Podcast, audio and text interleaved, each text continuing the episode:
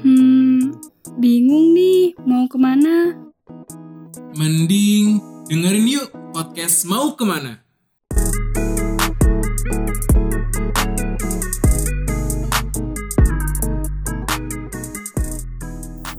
Kali ini kamu lagi dengerin mau ke IPB, ex duta IPB yang bikin masa remaja kamu jauh dari kata labil. Oke teman-teman semua, kita dari Mau Ke mana Podcast Squad, ex IPB University, bakal ngejelasin ke kalian tentang Universitas IPB dan khususnya episode kali ini tuh tentang Fakultas Ekonomi dan Manajemen. Nah sebelum itu perkenalan dulu nih, nama aku Gio dari SMA Negeri 3 Cimahi. Di sini aku nggak sendiri, bareng partner aku. Halo, aku Palasa dari SMA Negeri 5 Bandung. Dan di sini juga kita udah kedatangan um, tamu spesial dari IPB University uh, dan dari duta IPB-nya. Ada Kak Devi sama Kak Ariel. Boleh nih dari Kak Devi dulu perkenalan. Halo semua, halo Ocha, halo Gio. Kenalin nih, aku Devi Nurfadila Selitonga. Uh, sekarang menjabat dan diamanahkan sebagai Duta IPB University untuk Fakultas Ekonomi dan Manajemen. Program studinya Ilmu Ekonomi dari Fakultas Ekonomi dan Manajemen tentunya. Nih partner aku, kamu muncul dong. Halo. Halo teman-teman. Perkenalkan nama aku Muhammad Arif Lianto atau sering dipanggil sebagai Ariel teman-teman. Ya Ariel itu nama panggungnya biasalah duta IPB harus punya branding tertentu ya kak. Oke okay, nah, baik. Uh, jadi nama aslinya apa itu kak? Nama aslinya Muhammad Arif Ilianto teman-teman, tapi panggilnya Ariel aja biar lebih. Untuk bukan sayang ya? Aduh, Aduh. jangan dong. jangan, jangan dulu deh, jangan dulu deh. Oke, okay, cukup. Makanya. Halo Palosa, halo Gio. Halo Kak. Kak, aku mau nanya dong, tadi kan memperkenalkan diri sebagai Duta IPB. Boleh dijelasin nggak sih Duta IPB itu apa sih dan ngapain aja sebenarnya? Mungkin karir dulu ya? nih. Mm -mm. Oke. Okay. Teman-teman kalau misalnya pengen tahu Duta IPB, Duta IPB itu adalah uh, merupakan suatu bukan organisasi juga ya jatuhnya ya, tapi adalah suatu bidang tertentu yang dibawa yang langsung dibawahi oleh Biro Komunikasi, suatu bagian tertentu di bawah Biro Komunikasi, khususnya untuk Biro promo, uh, bagian promosi teman-teman sekalian. Nah, jadi Duta IPB itu menjadi garda terdepan dari IPB sebagai salah satu garda terdepan di IPB untuk melakukan promosi kepada teman-teman di SMA maupun kepada teman-teman di uh, luar lainnya. Selain itu, Duta IPB juga menjadi representatif teman-teman representatif IPB baik dari sisi promosi maupun kegiatan-kegiatan lainnya. Sehingga kalau Duta IPB itu sering diajak untuk kolaborasi dengan mahasiswa sebagai perwakilan Biro Komunikasi IPB dalam menyampaikan terkait dengan pengetahuan tentang IPB, kemudian tentang uh, kondisi IPB dan sebagainya. Mungkin gitu ya. Dan Devi gimana Devi? Nah benar, yang dijelasin Kak tuh benar banget, udah lengkap. Mungkin aku menambah ini, apa bedanya Duta IPB University sama duta-duta kampus lain? Nah seperti yang kita ketahui, universitas lain pasti punya duta ya karena kita duta kita ini beda. Nah, kita punya misi khusus seperti yang Kak Ariel bilang tadi untuk mempromosikan. Jadi tidak hanya sekedar ikonik. Nah, karena memang biasanya duta uh, nama duta di universitas lain itu hanya sebagai ikonik. Nah, kalau kita beda, kita punya misi khusus untuk memperkenalkan IPB ke seluruh siswa-siswi SMA di seluruh Indonesia. Seperti itu, Ocha, Gio. Oke, Kak. Nah, langsung ke selanjutnya aja ya. Tadi kan tugas hmm. Duta IPB itu salah satunya memperkenalkan universitas nih. Mm -mm. Nah, bisa jelasin singkat aja nggak nih tentang IPB University itu kayak apa gitu? Di mana letaknya? Terus ada berapa fakultas? Dan bisa jelasin singkat aja deh, nggak usah panjang-panjang. Boleh Kak Devi atau Kak Ariel, silakan. Oke, aku kali ya. Gio, Gio, menurut uh, Gio setahu Gio IPB itu di mana Gio? Di Bogor. Iya benar kan? Ah di Bogor. Karena banyak yang salah paham nih. Kadang ada yang kayak e, kamu di mana kuliahnya? Di IPB, oh di Bandung ya. Nah itu banyak tuh yang kayak gitu. Mungkin di sini aku mau jelasin ya. Jadi oh, IPB. Iya oke Bandar Lampung boleh. Banyak kan yang mengira Bandung ini kak. Jadi Institut Pertanian Bogor itu merupakan suatu universitas di uh, basisnya di Bogor Nah, jadi IPB ini lahir pada tanggal 1 September 1963 dengan fakultas awalnya yaitu Fakultas Pertanian sesuai dengan namanya Institut Pertanian Bogor. Nah, fakultasnya yang awal itu ada lima, ada Fakultas Pertanian, ada Fakultas Kedokteran Hewan, ada Fakultas Perikanan dan Ilmu Kelautan, ada Fakultas Peternakan dan juga ada Fakultas Kehutanan. Nah itu lima basis uh, fakultas yang ada di IPB. Makanya kalau kalian lihat logo IPB, kan ada kayak tanaman, terus ada lima daunnya. Nah itu menggambarkan lima fakultas pertama yang berdiri di IPB. Kayak gitu. Dan ya itu tadi di Bogor kita punya sembilan fakultas dan dua sekolah. Jadi setelah tadi lima fakultas ada sebagai pionir, Selanjutnya lahir lagi empat fakultas dan ditambahi oleh dua sekolah, yaitu sekolah bisnis dan sekolah vokasi. Nah, fakultas ekonomi dan manajemen hadir sebagai fakultas ke-8. Benar nggak, Kak? Betul banget. Jadi teman-teman sekalian, IPB itu uh, dibagi mungkin ada beberapa tempat ya. Ada yang di Dramaga untuk bagian utama atau uh, rektorat utama yang ada yang ada di IPB itu adanya di Dramaga, Jalan Dramaga Kemudian untuk di beberapa tempat lainnya seperti di Barnang Siang, kemudian juga ada beberapa uh, tempat penelitian lainnya seperti BLST uh, yang ada juga di daerah uh, Bogor Tengah. Jadi IPB itu teman-teman kampusnya nggak cuma nggak cuma di Dramaga aja, tapi juga ada di uh, Barnang Siang gitu. Juga ada kampus di Sukabumi teman-teman sekalian. Kita juga ada uh, yeah. beberapa tempat di Sukabumi itu ada bagian atau prodi khusus yang ada uh, membuka program di sana dan tempatnya juga di Sukabumi sana teman-teman. Dan termasuk namanya PSDKU ya kak ya program Betul, studi di luar kampus utama itu yang di Sukabumi. Betul. Nah, nah itu tadi ya ada beberapa kampus ya selain di karena banyak uh, orang yang mengira IPB itu cuma ada di Dramaga atau bahkan di kotanya. Kita juga punya di Baranang Siang, Cilebende dan juga ada di Sukabumi. Kayak gitu teman-teman. Apalagi nih Gio, kepoin kita dong. Nah, kira-kira ciri khas IPB itu apa sih gitu? Yang orang tahu gitu. Kayak oh ini IPB ciri khasnya ini gitu. Kira-kira apa nih? Apa tuh Karil? Kira-kira ciri khas banyak ya? kalau mau pengen tahu iya. teman-teman ciri-ciri anak IPB itu banyak banget teman-teman. Teman-teman bisa lihat kalau anaknya itu pintar-pintar wah. Wah. Kemudian wah. anaknya keren keren-keren kemudian anaknya uh, juga tidak terlalu hype bis dan merakyat. Bukan seperti Aduh. Tersebar, tapi tersebar di seluruh Indonesia.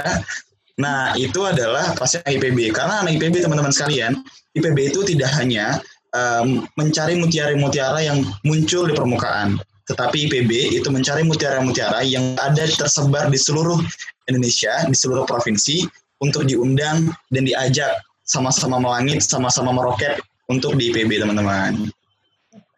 Wah, luar biasa. Luar biasa, luar biasa, luar biasa.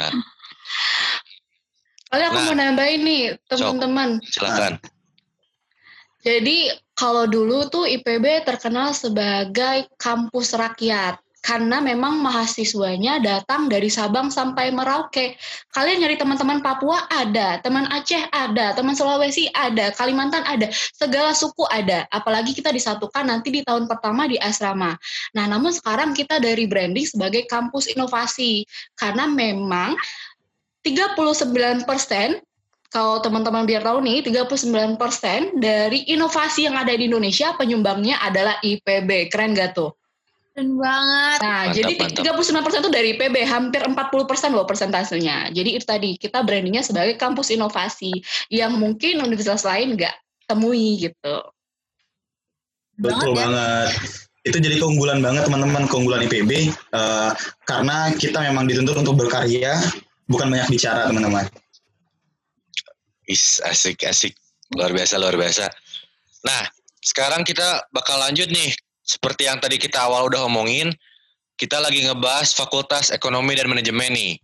Nah kira-kira bisa dijelasin gak sih Fakultas Ekonomi dan Manajemen itu apa sih? Kan kalau di kampus lain kayak di UI itu Fakultas Ekonomi Bisnis ya. Nah, kira-kira apa bedanya? Terus bisa jelasin gak sih gitu?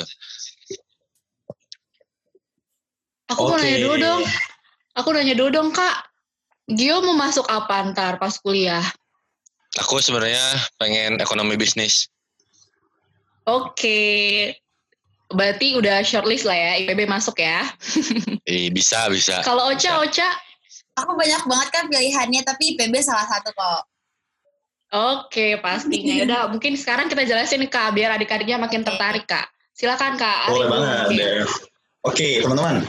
Kalau yang bedain apa sih bedanya Fakultas Ekonomi dan Manajemen dengan Fakultas Ekonomi dan Bisnis yang ada di kampus umum lainnya? Kalau teman-teman lihat, FEM atau Fakultas Ekonomi Manajemen itu cuma satu-satunya yang ada di IPB, teman-teman sekalian. Karena di kampus-kampus lain itu menggunakan istilah atau singkatan dari Fakultas Ekonomi dan Bisnis atau Fakultas Ekonomi aja. Kenapa? Karena di IPB untuk bisnis itu ditempatkan di uh, program studi tertentu dan uh, fakultas tertentu yang namanya sekolah. Bedanya adalah kalau fakultas itu lebih banyak kepada uh, teoritis di dalam kel- kelas, sedangkan untuk sekolah itu lebih banyak atau 60%-nya itu uh, banyak melakukan kegiatan-kegiatan yang turun ke lapangan ataupun praktik langsung. Artinya adalah memang kita dari IPB sendiri itu memfokuskan antara bisnis dan fakultas ekonominya. Nah, Fakultas Ekonomi dan Manajemen itu fokus untuk membahas tentang bagaimana kegiatan ekonomi dan juga sistem manajemen yang ada uh, pada perusahaan dan sebagainya. Artinya dalam lingkup makro dan mikro itu disatukan di dalam Fakultas Ekonomi dan Manajemen. Keunggulannya adalah teman-teman sekalian, di Fakultas Ekonomi dan Manajemen kita akan banyak berkutik dengan yang namanya kuantitatif teman-teman. Jadi kita akan Iya, banyak benar-benar. berbicara tentang analisis data, analisis angka, dan metode-metode kuantitatif lainnya. Hal-hal yang sifatnya itu angka, data, analisis, dan sebagainya.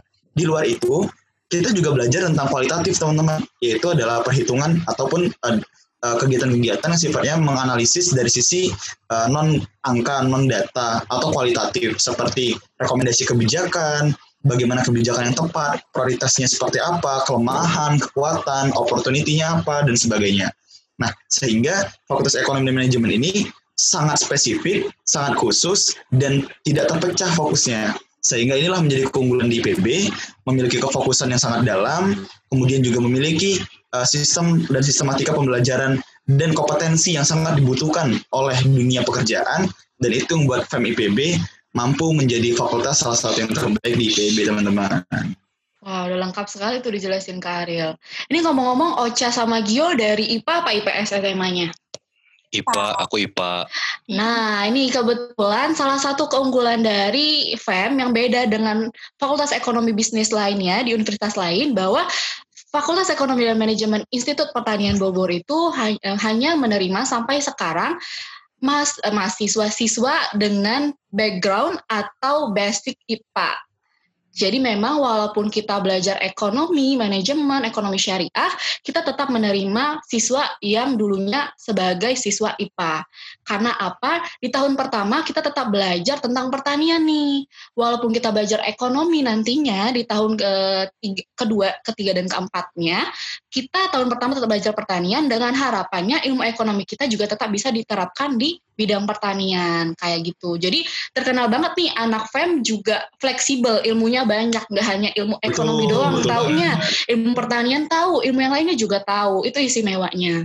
Seru banget. Nah, seru kan? Itu dia. Keren. Di FEM IPB itu teman-teman nggak cuma uh, kita belajar tentang bagaimana pengelolaan ekonomi secara umum atau secara konvensional, tetapi kita juga paham bagaimana pengelolaan ekonomi dari sisi masyarakat di bawah, dari sisi pertanian. Kenapa pertanian penting? Karena mayoritas penduduk Indonesia itu banyak yang bertani juga teman-teman sekalian. Selain itu kita punya lahan yang luar biasa luasnya, sumber daya yang luar biasa luasnya dan banyaknya, dan itu dapat dikelola juga seperti itu. Nah, misalnya kita, kita akan belajar banyak teman-teman tentang hal itu semua. Jadi intinya teman-teman itu belajar ekonomi itu nggak nanggung-nanggung dari ujung sampai ujung gitu. Wah, keren, keren, keren banget. Jadi mau masuk FEM gak ini? Mau bahas sih kak. Bisa ya dipertimbangkan gitu ya. Bisa, bisa. Kak, tadi kan bahas fakultasnya nih secara general. Aku mau nanya dong kak, jurusan-jurusan yang ada di Fakultas Ekonomi Manajemen tuh apa aja sih? Dan em, di jurusan itu tuh kita bakal belajar apa aja? Boleh nih kak Divi atau kak Ariel yang jelasin.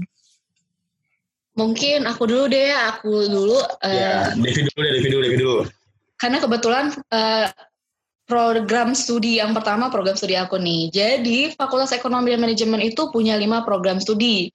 Nah, program studi pionirnya itu ada dua. Yang pertama ada ilmu ekonomi, tempat aku belajar sekarang. Nama program studinya ekonomi studi pembangunan, namun departemennya ilmu ekonomi. Nah, yang kedua ada departemen manajemen. Yang ketiga ada agribisnis, yang keempat ada ekonomi dan sumber daya lingkungan, yang kelima ada ekonomi syariah. Mungkin aku jelasin uh, dua pertama atau tiga pertama ya. Ini perlu dijelasin detail nggak nih? Uh, mungkin secara general dulu aja kak, kayak gimana? Oke, okay. mungkin secara general bedanya gini. Kalau misalnya ilmu ekonomi yang program studi pertama itu belajar ekonomi, benar-benar ekonomi secara komprehensif. Jadi benar-benar ekonomi dari awal sampai akhir yang kalian pelajari. Ekonomi makro, nanti kalau kalian udah kenal, ekonomi mikro. Benar-benar belajar tentang ekonomi. Kalau manajemen, kita belajarnya tentang manajerial perusahaan. Kalau kalian nanti pengen bangun perusahaan, kalian pasti harus tahu tentang namanya manajemen sumber daya manusia, manajemen organisasi, manajemen keuangan. Nah, itu dipelajari manajemen. Kalau agribisnis, dari namanya aja, perpaduan antara agri dan bisnis. bisnis.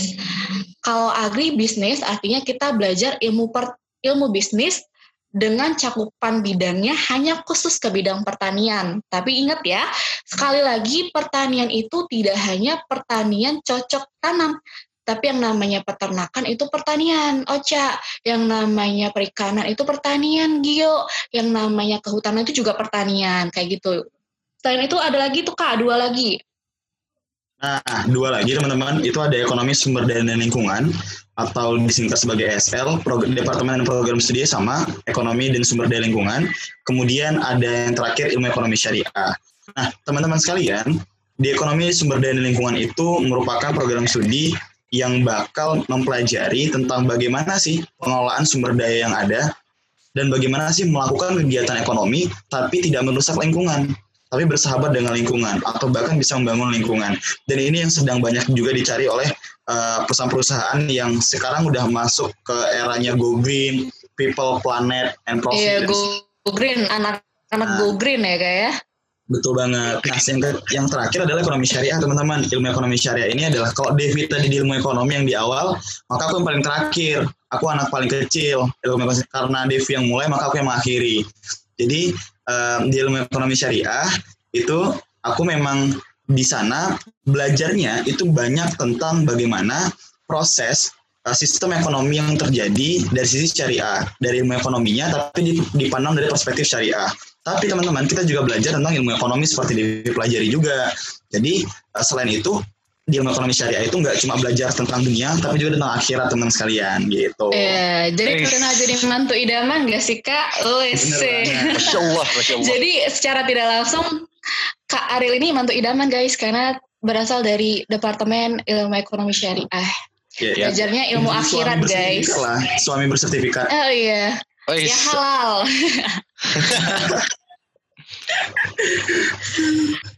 Yang mau kontaknya Kak Aril bisa ini ya DM aja ya. Gio, dikasih kok. Nggak usah, bisa langsung lihat aja di Duta IPB ada kok. Langsung oh, aja oh, iya, DM. bisa langsung aja DM aja langsung ya buat okay. yang tertarik. Iya, boleh. Nanti nanti kakak buka open recruitmentnya kok. Nanti akan ada seleksi tertentu. Tenang aja teman-teman. Oke, siap. Nah, aku daftar ya kak. Oke lanjut next. Tadi kan udah dijelasin tuh ya uh, tentang jurusan-jurusannya. Nah, aku ada pertanyaan nih kira-kira prospek kerjanya tuh seperti apa sih? Terus apakah harus melulu-melulu di bidang pertanian atau misalnya manajemen pertanian gitu ya? Uh, harus di apa sih di kayak gitu atau enggak atau bisa di kerja yang lain itu yang semes yang kayak manajemen biasa gitu perusahaan biasa gitu atau harus melulu di bidang pertanian atau kehutanan kayak gitu bisa dijelasin mungkin uh, mungkin aku jawab ya, sebenarnya salah banget yang bilang kalau misalnya karena kita pertanian justru kita cakupannya pekerjaan hanya pertanian. Justru malah kalau misalnya biasanya anak fakultas ekonomi dan manajemen tetap strict dia ke ekonomi atau ke manajemen dan juga punya dia punya kesempatan untuk bekerja di bidang pertanian. Nah, biasanya nih kayak misal dari jurusan aku ilmu ekonomi banyak prospek kerja yang menerima kayak misalnya kamu pengen kerja di Bank Indonesia, pengen kerja di Kementerian Keuangan, pengen kerja di perusahaan startup dan per- perusahaan multinasional. Jadi banyak sekali karena memang sebenarnya ilmu ekonomi itu, ekonomi dan manajemen itu memang udah jadi em, ilmu general yang dibutuhkan di banyak pihak ibaratnya. Jadi banyak yang mencari dan jangan khawatir pasti banyak yang membuka peluang kerja untuk tamatan ekonomi, apalagi ekonominya ekonomi IPB gitu. Waduh. ada tambahan? Benar banget teman-teman. Masalah pros- prospek dunia kerja ini mungkin yang menjadi eh, pandangan skeptis dari para siswa ketika masuk universitas tertentu, jurusan tertentu yang dipandang adalah eh, setelah aku selesai dari kampus aku akan ke mana, gitu kan ya. Mungkin nanti teman-teman kita bakal buat podcast lagi setelah dari IPB mau ke mana gitu ya. nah jadi teman-teman Bisa, bisa. kalau kalau dari FEM IPB itu peluang kerja terbuka sangat lebar dan sangat luas teman-teman sekalian. Kenapa? Kakak sudah buktikan sendiri dan kakak juga banyak teman-teman lainnya. Kebetulan kakak ini sudah di semester akhir. Bahkan kakak sudah selesai. Alhamdulillah tadi Oke. sudah menyelesaikan semuanya, tinggal nunggu wisuda. Eh, jadi nanti di IPB teman-teman sekalian di Fakultas Ekonomi dan Manajemen itu untuk pekerjaan terkait dengan pekerjaan itu itu itu adalah satu hal yang sangat dimudahkan oleh fakultas dan juga kampus. Buat teman-teman yang terbaik, buat teman-teman yang terbaik di fakultas akan mendapat rekomendasi dari fakultas untuk eh, dimasukkan ke beberapa kampus hiring. Jadi beberapa banyak perusahaan-perusahaan itu yang membuka peluang pekerjaan yang langsung meminta anak IPB tinggal datang ke sana, wawancara dan sebagainya. Dan itu tidak hanya Iya tentang benar pertanian, banget, benar banget. Bank Indonesia, Kementerian Keuangan dan sebagainya. Begitu. Nah, jadi teman-teman sekalian, kalau bicara tentang masalah pasar kampus IPB, anak IPB itu luas banget. Ada yang jadi pebisnis, oke. Kemudian ada yang masuk ke bidang korporat, swasta, oke. Kemudian ada yang masuk ke bagian pemerintahan atau public sector, it's okay. Ada yang masuk ke NGO, it's okay. Mungkin teman-teman tahu ada konsultan-konsultan, atau mungkin teman-teman tahu ada yang itu Baznas, ada Badan Wakaf Indonesia. Kemudian Hmm. teman-teman tahu juga ada yang namanya tuh eh, ACT, dompet dua dan sebagainya. Banyak juga teman-teman anak-anak IPB yang suka dalam bidang aktivis kemahasiswaan, aktivis kemanusiaan itu masuk ke sana. Artinya IPB tidak mau tidak menutup ruang kerja atau tidak menutup ruang kompetensi teman-teman itu secara singkat, tapi dibuka selebar-lebarnya. Silahkan kalian explore ke mana diri kalian ingin uh, mengeksplor diri kalian masing-masing, ingin ke mana dan tentu tentunya kalian harus tahu uh, pilihan mana yang paling tepat untuk diri kalian. Gitu teman-teman. Wih. Betul udah jelas ya Yes, teman-teman sekalian. Pokoknya kayak Iya, salah satu contohnya lihat aja nih, Kak Ariel udah keterima kerja di mana nih, Kak? Ya, Promosi, promosi. aku udah keterima. Iya, jangan juga. Biar jadi Eh, inspirasi nih buat teman-teman nih. Ya alhamdulillah aku sekarang sudah keterima di salah satu perusahaan swasta di Indonesia dan mungkin kalian juga salah satu penggunanya juga dan mohon doanya juga teman-teman mohon doanya Hmm. juga aku sekarang lagi seleksi untuk eh, PCPM Bank Indonesia yang ke-35 mohon doanya Eh, jadi alhamdulillah dapat kita aminkan Jadi, paling serius ini, Kak. semoga Amin paling serius. bisa masuk ke sana dan teman-teman nanti bisa gabung juga bersama kita di Bank Indonesia Amin, amin, amin. Amin, luar biasa. Oke. Kak sekarang aku mau nanya dong, em, ada nggak sih kak suat- satu hal atau beberapa hal yang menarik dari jurusan eh, Kak Devi sama Kak Ariel masing-masing gitu yang paling unik gitu, satu hal yang paling unik aja. Satu hal yang paling unik dari jurusan masing-masing. Ya, atau mungkin bolehlah beberapa. Oke, Kak Ariel dulu deh, Kak Ariel. Biasanya Oke, Kak Ariel boleh. panjang nih. apa jurusan-jurusan paling unik teman-teman Hmm, Iya, dari Asyar apa itu, Kak? Kira-kira yang uniknya. kalau di Xshare itu yang paling unik adalah kita belajarnya sama ustadz-ustadz teman-teman. Ya Allah. Oh, Ustadz Masya. Allah ya, Masya Allah. Ya, ustadz ustazah. Yang makanya. kedua adalah kalau di Xshare itu teman-teman akan ke-trigger untuk cepat-cepat nikah. Trigger. Oke, Hey, Karakter Aisyah. jadi Itu sisi sisinya ya, sisi Betul. Kok jadi Jangan nikah? heran ya, anak Esyar, anak Esyar lulusnya nikah dulu baru kerja ya kak ya. Iya betul, banyaknya begitu.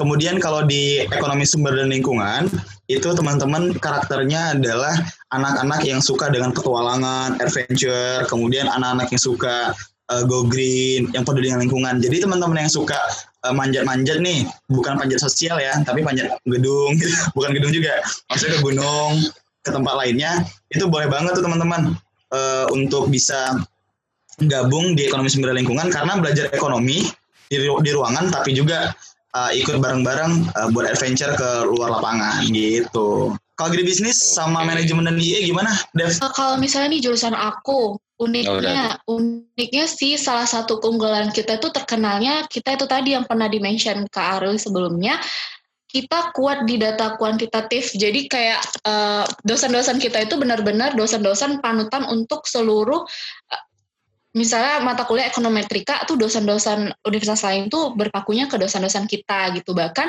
lab FEM itu merupakan lab paling canggih karena punya eh, software untuk mengolah data yang original yang hanya ada di Indonesia itu dari dari Fakultas Ekonomi dan Manajemen doang.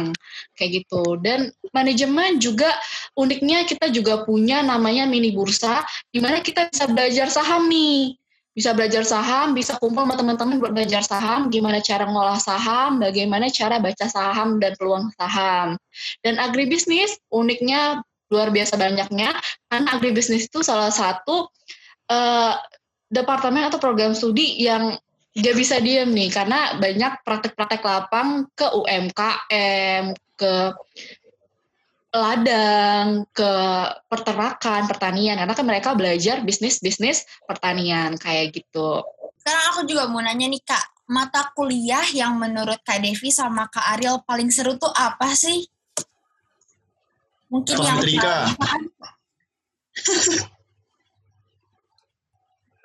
Kalau aku ya, kalau aku sih Uh, jawabannya adalah ekonometrika teman-teman. Kemudian ada juga uh, makroekonomi, kemudian ada mikroekonomi. Uh, kenapa Devi? ih sama, Kirain apaan? sama kak sama. Iya teman-teman itu pelajaran menurutku yang paling asik.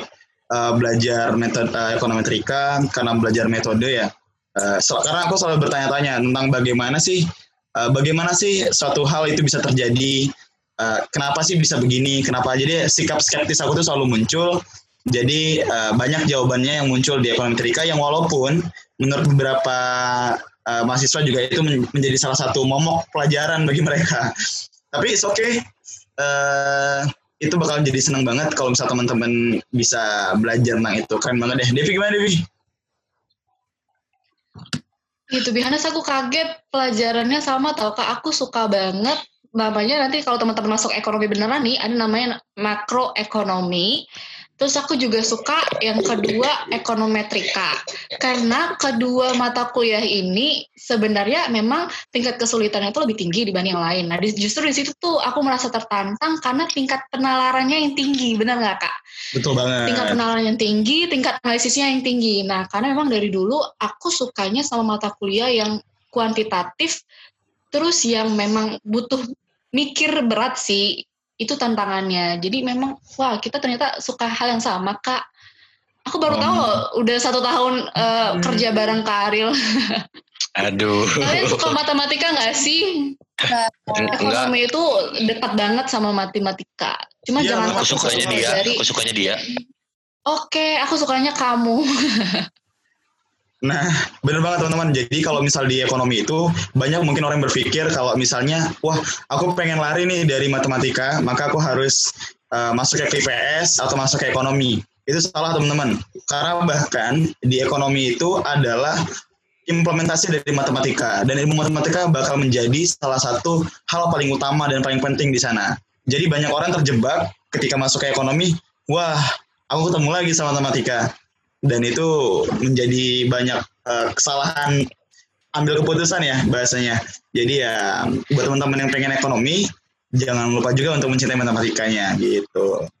Tapi jangan takut loh kak, banyak juga teman-teman aku berdasarkan pengalaman pengalaman teman aku, Hmm. ya mereka memang dulu juga kuat ekonomi, tapi gara-gara na- ada namanya program kompetensi umum, di situ mereka jadi titik balik mereka buat suka lagi sama Betul. ekonomi. Karena di tingkat pertama atau program kompetensi umum ini, teman-teman IPB kan punya satu tahun pertama itu namanya program kompetensi umum ya, program pendidikan kompetensi umum. Nah di situ kita belajar bareng dari berbagai fakultas tapi punya rumpun ilmu yang sama. Kita belajar ilmu-ilmu basis seperti eh, IPA, matematika. Jadi ya kalaupun nanti kalian masuk ke departemen atau pe- program studi masing-masing nggak kaget lagi karena dari eh, tahun pertama kalian udah belajar tuh sama basis-basis kayak matematika. Jadi jangan takut teman-teman. Jangan takut. Iya, itulah keunggulan IPB teman-teman. Di tingkat pertama teman-teman bakal disesuaikan kompetensinya, dipersiapkan tuh, di uh, adalah dibuat pemanasan. Seperti saya tadi sebelum mulai pemanasan dulu. Nah, supaya teman-teman makin maksimal nanti ketika perform. Hmm, kalian sendiri berdua suka matematika nggak? Aduh. Suka su- suka-suka aja sih, Aduh, cuma udah adu duluan tuh si Ocha, udah adu duluan. Aduh. gimana gimana gurunya Jangan sebenarnya sih? Sebenarnya kalau kalau Oh iya. tuh kan kayak ngerti, oke ngerti, tapi pas ulangan kenapa? Nah jadi gini gitu. Suka Iya gitu ya. sih, memang rada sulit. Cuman ya itu tadi sih berusaha mencintai aja apa yang kalian lakukan. Kalau misalnya Gio mah tergantung gurunya ya, cakep apa enggak ya? Ya emang dia mah bukan, gitu. bukan, oh bukan, itunya. tergantung gurunya.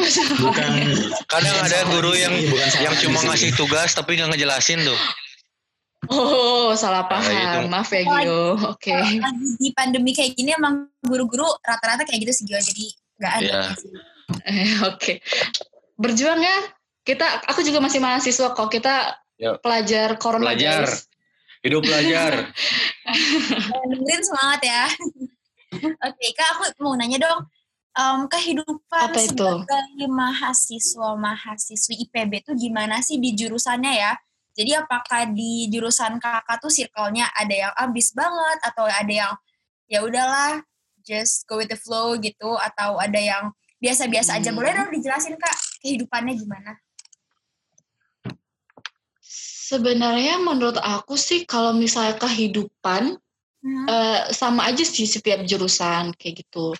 Nah, pasti di setiap jurusan, di setiap fakultas, di setiap segi kampus kamu pasti bakal nemuin ah, ya ada memang tipe mahasiswa yang ambisius atau ambis. Justru aku mungkin salah satu jadi mahasiswa itu gitu. Nah, di fakultas itu tadi di kampus inilah aku sadar bahwa jadi mahasiswa ambisius itu nggak apa-apa tahu teman-teman. Yaitu memang justru jadi mahasiswa ambis itu merupakan eh, ya mahasiswa yang punya tekad kuat untuk belajar lebih kayak gitu. Dan kalau ditanya gimana eh, apa ya tadi gimana apanya Ocha? Aku sampai lupa. Eh, gimana eh, kehidupan sehari-harinya? Apakah Ah, ya? kehidupan sehari-harinya. Hmm. Sama sih. Ya kita kuliah biasanya dari jam 8 kalau anak FEM tuh dari jam 8 kita nggak pernah dari jam 7 karena jam 7 itu biasanya untuk fakultas-fakultas yang punya lab- laboratorium. Dari jam 8 atau setengah 8 dan biasanya paling mentok itu jam 4 atau setengah 4 setelah itu kita ya diisi dengan kegiatan mahasiswa rapat, organisasi, komunitas seperti itu. Dan biasanya yang paling bikin kita unik kalau kehidupan di kampus tuh ya walaupun misalnya jadi jurusan aku sendiri nih ya, walaupun memang pelajaran terkenal susah, kita punya waktu happy-happy bareng sih. Kayak kita punya waktu supporteran, bener nggak Kak Aril? Kita punya waktu uh, buat malam-malam nongkrong kayak gitu. Jadi ya mas uh, periode mahasiswa ini periode yang paling asik sih menurut aku. Kak Aril gimana? Nah, benar Devi. Kalau aku bilang sih mahasiswa tuh karakternya banyak ya. Ada yang eh, kupu-kupu, kuliah pulang, kuliah pulang, Ah, kuliah ya. pulang. Kemudian ada yang Kak Aril yang mana itu? Kak Aril apa? Kura-kura Kak Aril. Tar dulu. ada yang kura-kura, kuliah rapat, kuliah rapat, kuliah rapat, terus terus ada yang eh, kunang-kunang. Itu kunang-kunang itu kuliah nangkring, Nangkring. kuliah nangkring, kuliah nangkring. Itu ada. Nah, ada juga yang eh, kucap-kucap, kuliah pacaran, pacaran, kuliah pacaran. Jadi tergantung sebenarnya kalian ingin menjadi seperti apa dan kalian ingin dikenal seperti apa. Kalau aku sih eh, mungkin Devi juga tahu lah kerjaan aku di kampus jadi kura-kura lah. kura-kura aja pokoknya ya waktu-waktu nongki Oh. Kalau lagi bisa nongki nongki. Tapi eh, yang paling asik jadi mahasiswa itu adalah teman-teman. Kita punya banyak relasi teman-teman. Kita punya banyak relasi. Nah tergantung teman-teman nih ingin mengambil kesempatan menjadi mahasiswa seperti apa. Apakah ingin memaksimalkan di mana ingin maksimal di pelajaran kemudian ingin maksimal di organisasi ingin maksimal di eh, sosial dan teman-teman dan ya teman-teman semuanya.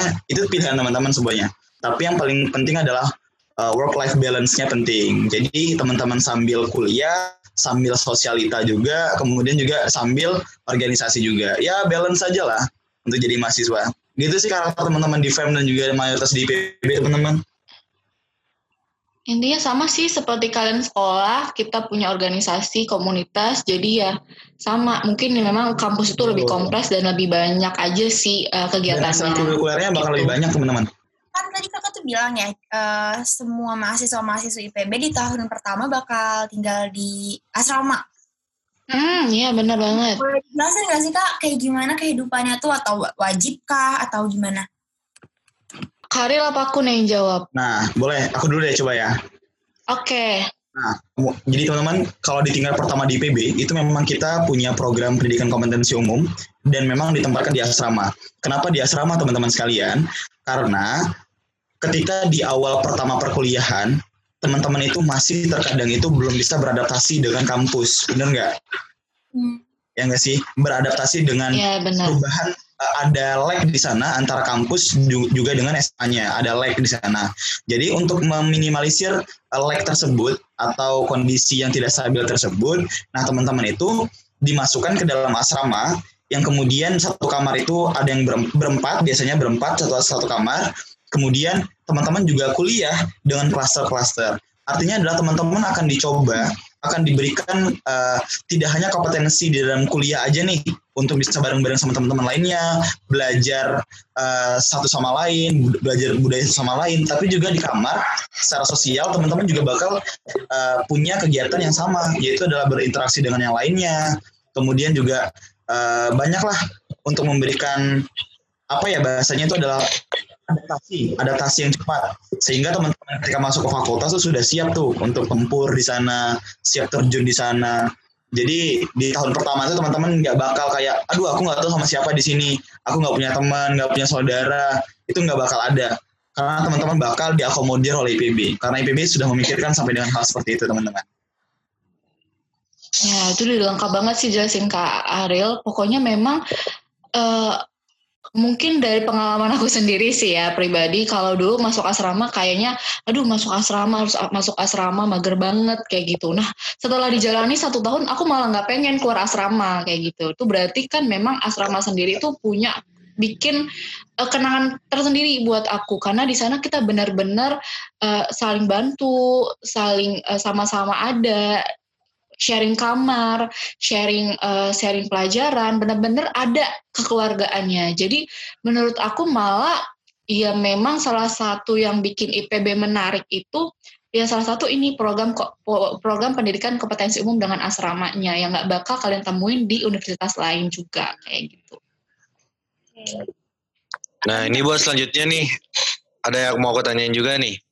Kira-kira gaya hidup anak IPB itu kayak gimana itu, gitu? Apakah hype beast gitu ya, gaya gitu ke sekolah, eh, ke kampus tuh gitu ya?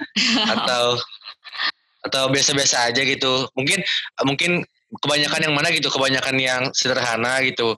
Atau kebanyakan yang banyak gaya gitu? Nah, terus kira-kira gaya dong. Kira-kira ki- Gimana Dev? Gimana Dev? bisa dijawab nih? Kayaknya intinya gini sih jawabannya. Kalau misalnya ada youtuber yang nanya berapa harga outfit, outfit lo di IPB, kayaknya nggak cocok deh.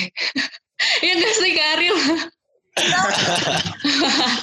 Karena style kita, apalagi anak asrama itu namanya, style anak asrama tuh udah ada package-nya, udah outfitnya sendiri, pakai baju kaos. Gimana nih? Gimana nih? Menarik, menarik. training, pakai sendal eh, jepit, kemudian pakai kunci yang digantung di leher sama eh, pinnya asrama. Itu pasti anak PPKU atau anak anak tingkat pertama.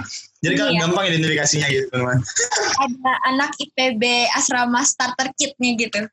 Ya benar banget. Iya, Itu- itu, tapi tetap aja loh.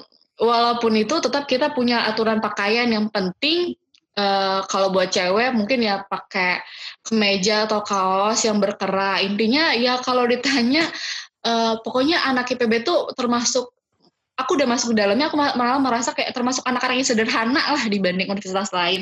Bukan karena ya memang eh, apa tapi memang tipe anak IPB-nya yang sederhana kayak gitu. Makanya benar. dulu disebut kampus rakyat kayak gitu. Jadi nggak cocok deh pokoknya ditanya berapa harga outfit lo.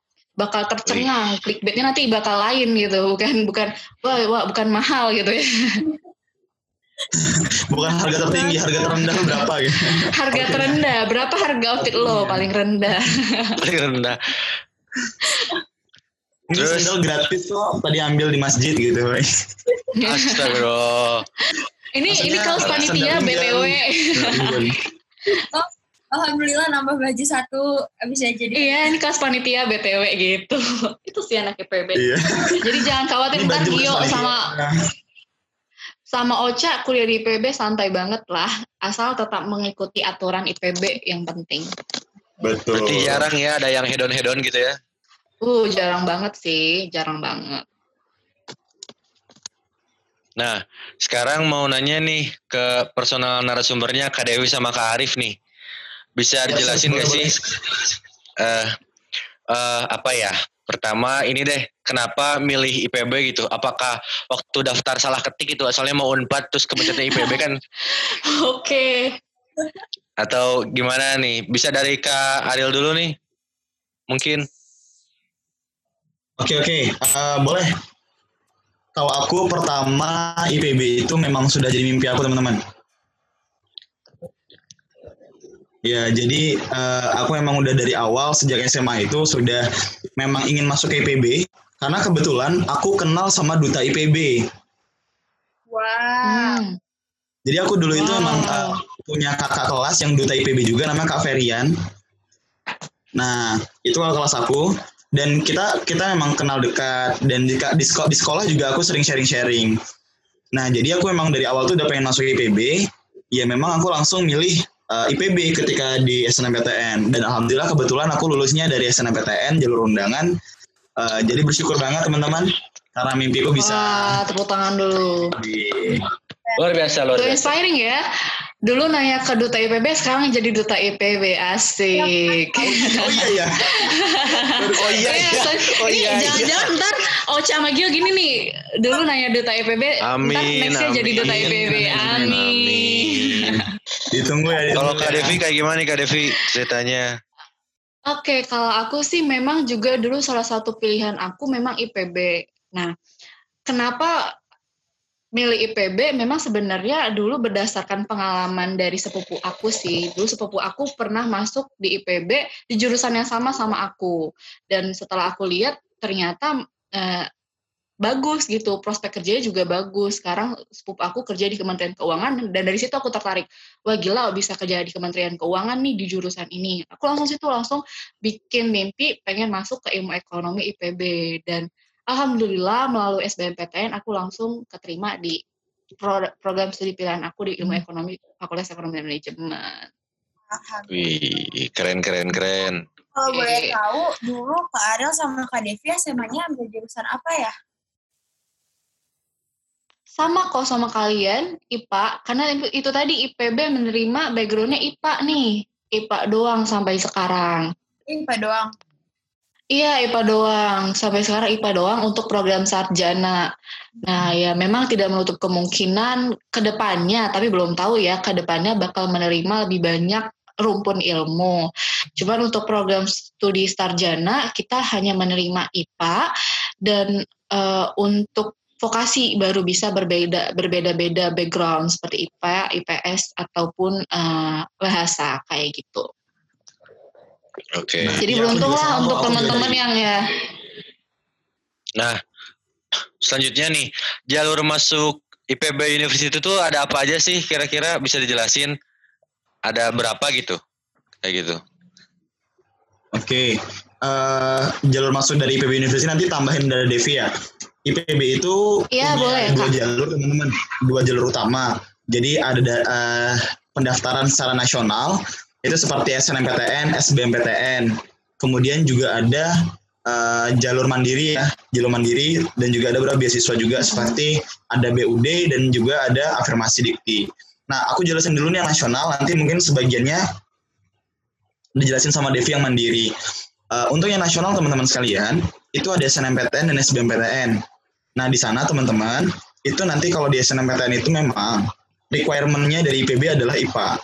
Jadi memang kewajib uh, memang harus masuk dari IPA uh, dan kemudian teman-teman silahkan pilih IPB. Nah, sistem pemilihan IPB itu teman-teman gak cuma berdasarkan uh, nilai teman-teman, tapi juga berdasarkan rankingan sekolah.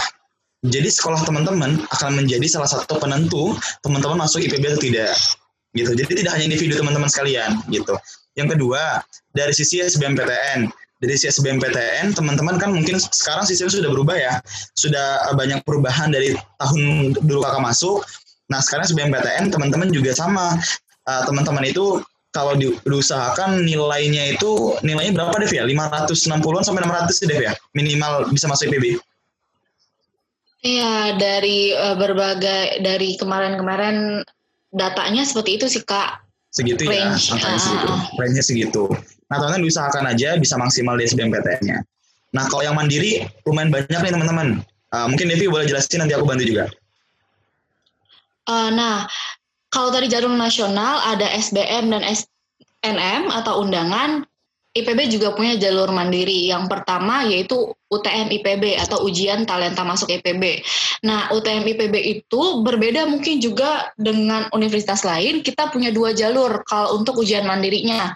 Bisa punya dua cara atau dua skema. Yang pertama, kalau kalian mau milih cuman me memberi atau mendaftarkan nilai UTBK kalian boleh.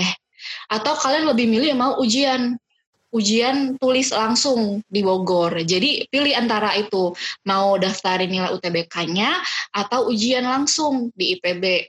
Nah yang kedua ini yang mungkin yang uh, juga nggak ada juga di universitas lain. Kalian tahu nggak kalau IPB menerima ada namanya jalur ketua osis? Tahu nggak dulu Oca sama Gio? Aku aku sempat searching searching dan abang tahu Nah, itu dia. Itu istimewanya IPB tuh. Kita punya jalur masuk ketua OSIS di mana nanti seluruh ketua OSIS dari SMA mana pun atau dari pendidikan mana pun bisa mendaftar jalur ketua OSIS dan nanti ya mereka diseleksi berdasarkan uh, pendaftar ketua OSIS itu tadi. Intinya uh, mereka yang pasti mereka punya kewajiban harus mencantumkan bukti mereka uh, pernah menjadi atau menjabat sebagai ketua OSIS. Nah, yang ketiga ada jalur mandiri berupa prestasi nasional dan internasional. Nih kalau misalnya OCA ataupun GIO punya sertifikat nih, dulu SMA pernah menang uh, lomba catur atau pernah menang lomba olimpiade nasional. Terus ada sertifikatnya. Nah, itu kan artinya ada bukti autentiknya. Itu bisa kalian daftar melalui prestasi internasional dan nasional kayak gitu. Nah, yang keempat ada namanya BUD nih. Beasiswa utusan daerah. Ini ibaratnya kalau misalnya nih OCA udah di uh, diberi beasiswa dulu nih dari pemerintah daerah atau dari perusahaan di sekitar rumah OCA untuk melanjutkan pendidikan di IPB, eh, pendidikan perguruan tinggi. Lalu OCA daftar IPB melalui jalur BUD. Artinya mahasiswa calon mahasiswa yang uh, mendaftar di jalur BUD ini calon-calon yang memang mahasiswa yang sudah disponsori biaya pendidikannya kayak gitu. Dan yang terakhir mungkin ada jalur masuk juga mandiri namanya jalur masuk untuk hafiz atau tahfiz bagi penghafal Al-Quran dan juga ada jalur masuk pramuka. Namun ini masih Kuarda Jabar, khusus calon calon-calon di Jabar, Jawa Barat, karena memang hasil kerjasama masih pada uh, pemerintah Provinsi Jawa Barat. Kayak gitu ya, Kak? Kak, aku mau nanya, boleh nggak sih? Boleh, boleh dong. Boleh nggak sih? Yang masuk SBM, SNM, uh, ketua OSIS sama beasiswa tadi itu lebih banyak yang mana sih atau emang kuotanya sama jumlahnya? Oh, presentasinya berarti ya? Kalau presentasinya di IPB itu kalau nggak salah aku su aku sih eh, uh, 40% dari SNMPTN, 40% dari SBMPTN dan 20% dari Mandiri ya. Oke, oke. Benar kok Kak, dari 40% memang kita menerima dari SBM dan SNM tuh sama proporsinya 40%, 40%, 20% lagi tuh mandiri. Berarti 20% itu dibagi eh, lagi menjadi jalur-jalur yang tadi aku sebutin. Ketua BUD. OSIS, prestasi internasional nasional, BUD, terus Hafiz dan Pramuka kayak gitu. Jadi memang peluang tetap aja di seluruh universitas juga berlaku. Paling banyak pasti eh, dari jalur nasional, yaitu Nasional. SNMPTN dan SBMPTN kayak gitu aja. Em, aku tadi kan ditanya jalur masuknya nih kak. Sekarang aku mau nih ke Mm-mm. Kak Devi sama Kak Ariel tuh masuk ke IPB lewat jalur apa ya? Tadi mungkin Kak Ariel udah dijelasin lewat SNM dan Kak Devi lewat SBM ya? Iya benar benar aku dari SBM. Aku anak ujian tulis nih. Eh, kalau dari SNMPTN teman-teman sekalian prosesnya itu yang pertama kalau dulu itu memang yang mendaftarkan memang dari sekolah teman-teman ya kalau aku dari dari dulu itu memang mengawal meng- mengawal kegiatan dari sekolah. Jadi kayak di sekolah nih eh, aku nanyain terus nih bu SNMPTN kapan? Dan eh, jangan sampai teman-teman dan jangan sampai sekolah itu telat untuk ngisi pendaftaran SNMPTN sekolahnya teman-teman. Itu penting banget. Nah nanti baru teman-teman dapat aksesnya baru teman-teman ngisi. Udah teman dan di situ tuh aku udah mulai aku tuh udah punya uh, waiting list buat uh, universitas mana aja yang bakal aku uh, daftarkan. Terutama IPB tentunya nah jadi aku udah buat waiting listnya. Dan aku langsung analisis teman-teman. Analisis buat uh, persaingannya itu gimana. Dari persaingan secara IPB-nya kemudian dari persaingan dari sekolah aku. Kemudian aku dan uh, mix and match mana yang paling bagus mana yang paling oke dan aku masuknya di mana. Dan baru aku kerjasama sama teman-teman sekelas. Uh, brother sister gue ambil ini ya gue ambil ini ya. Lu ambil apa? Jadi kita Oke, bagi brother sister. nah kemudian uh, nah kemudian setelah itu uh, aku langsung daftarin. Nah paling penting lagi teman-teman melampirkan sertifikat teman-teman. Karena kebetulan aku di kam- di sekolah itu alhamdulillah uh, punya sertifikat uh, juara di tingkat nasional dan juga tingkat provinsi di sisi ekonomi. Oh. sains nasional ekonomi. Uh, jadi ya ya udah aku ambil fokus ke sana. Aku masukin aku ngambil uh, prodi dan program studi ataupun jurusan yang memang aku inginkan dan juga tempatnya sudah luang udah pas di hati dan dari analisisnya oke kemudian uh, aku masukkan aplikasinya yang sesuai dari sisi ekonomi mungkin sertifikatnya ada beberapa tapi aku masukin yang ekonomi semua ada tiga tiga di sana nah kemudian setelah itu ya terakhir ketika ngeklik Bismillah aja lah tawakal. Kita serahkan ya kan. Kalau aku sih ya kalau misalnya Kak Ariel em, jenis atau eh, golongan anak SMA yang kalau misalnya udah bagi rapot UN udah udah pengumuman SNM udah tenang, kalau aku masih panjang perjalanan. Sebagai pejuang SBM pasti ya itu tadi pasti tahu lah ya kita harus kuli- eh, harus apa les, harus bimbel pagi, siang, sore, malam, job-job soal dan ya itu sih memang kalau anak SNM memang kalau anak SNM punya eh, kesempatan atau punya keistimewaan eh, buat masuk langsung atau secara atau ya atau punya privilege lah istilahnya. Namun itu tadi sebenarnya sama aja kok mau kalian mau masuk dari SNM atau SBM eh, ujung-ujungnya kalian tetap jadi mahasiswa di satu fakultas atau satu universitas yang sama dan ya punya punya apa menerima fasilitas yang sama juga. Nah, kayak gitu. Tapi ya memang setiap orang punya jalannya masing-masing. Nah, aku juga dulu daftar SNM di IPB nggak lolos, makanya aku akhirnya mencoba di SBM dan akhirnya lolos. Jadi ya nanti kalaupun nanti Gio, Ocha mencoba SNM gak lolos, SBM gak lolos, senang aja masih banyak jalur lain, ada mandiri, ada banyak jalur lainnya. Jadi ya kayak gitu sih Betul. semua orang punya struggle-nya masing-masing. Semua orang punya jalan ninja masing-masing teman-teman Iya, Jalan benar, ninja, jalan siap. ninja. Jalan ninja. Nggak. Oke, sekarang nih aku mau em, minta ke Kak Devi dan Kak Ariel untuk memberi pesan kepada calon-calon mahasiswa baru IPB tahun 2020 berarti ya, Oh, buat maba nih ya? buat maba. Iya betul. Buat maba. Ini apa aja nih? Karil dulu deh, Karil. Apa nih Oh, Karil? sih pesannya kepada teman-teman semua uh, be yourself do the best and be the best with IPB teman-teman Keren Gila, banget, itu keren udah udah keren banget. anak marketing parah ya. S3 marketing. S3 marketing ini Kak Ariel. Kalau aku sih pesannya pokoknya eh, kamu udah ditempatkan di IPB itu merupakan tempat terbaik kayak gitu. Jadi jangan pernah mikir apa pun di eh, setelah itu, jangan pernah merasa merasa nggak nyaman dan tidak berada di tempat yang terbaik. Justru kamu ditempatkan di tempat paling terbaik di antara yang baik. Manfaatin waktunya di IPB dengan banyak mengeksplorasi eh, kegiatan, organisasi, komunitas karena masa mahasiswa itu masa yang di mana kalian punya kesempatan untuk menemukan jati diri, menem- menemukan banyak relasi dan manfaatin itu. Kayak gitu itu aja sih. Nah, kita udah di akhir akhir podcast episode yang ini ya. Nah, Wah ya. kira-kira aku juga mau mau mau nanya Sarah nih. Kira-kira Apa itu? masih kelas 11 nih. Masih Ah kelas iya. 11 nih aku. Nah, kira-kira tapi kan masih panjang nih perjalanan gitu ya. Apakah aku harus Mm. sekarang benar-benar nyiapin belajar gitu atau gimana gitu? Eh, ikutin dulu aja jalannya gitu atau ya mungkin sarannya gitu. Kalau dari aku sih sebenarnya eh, kalau Ocha kelas berapa Ocha? Aku kelas 11 Sama kelas 11 juga nggak sih, Cak? Oh kelas 11 ya, kelas 11 ya. Hmm. Eh, kalau aku sih dari awal kalian harus sudah punya mimpi teman-teman. Kalian sudah punya mimpi, kalian sudah tahu nanti kalian itu akan dikenal sebagai siapa, akan dikenang sebagai apa. Itu penting teman-teman.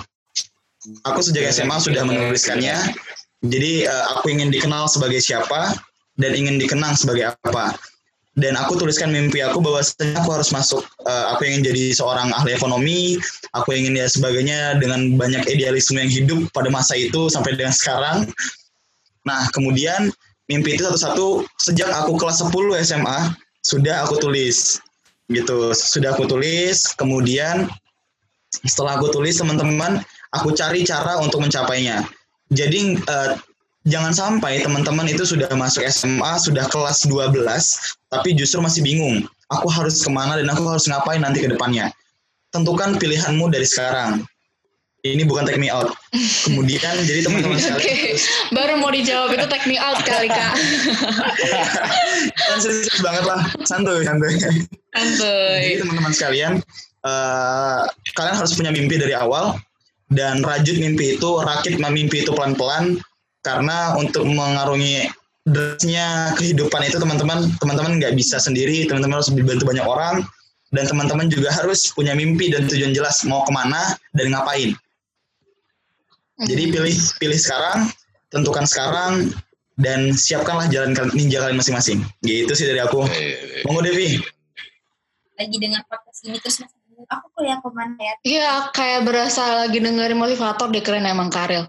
Kalau dari aku sih sama sebenarnya intinya di kelas 11 ini sebaiknya kalian udah nentuin tujuan dan eh, strategi ke depannya. Istilah gini, ada pepatah yang bilang kalau kalian gagal da- gagal dalam berencana, berarti kalian merencanakan kegagalan. Nah, sesimpel itu.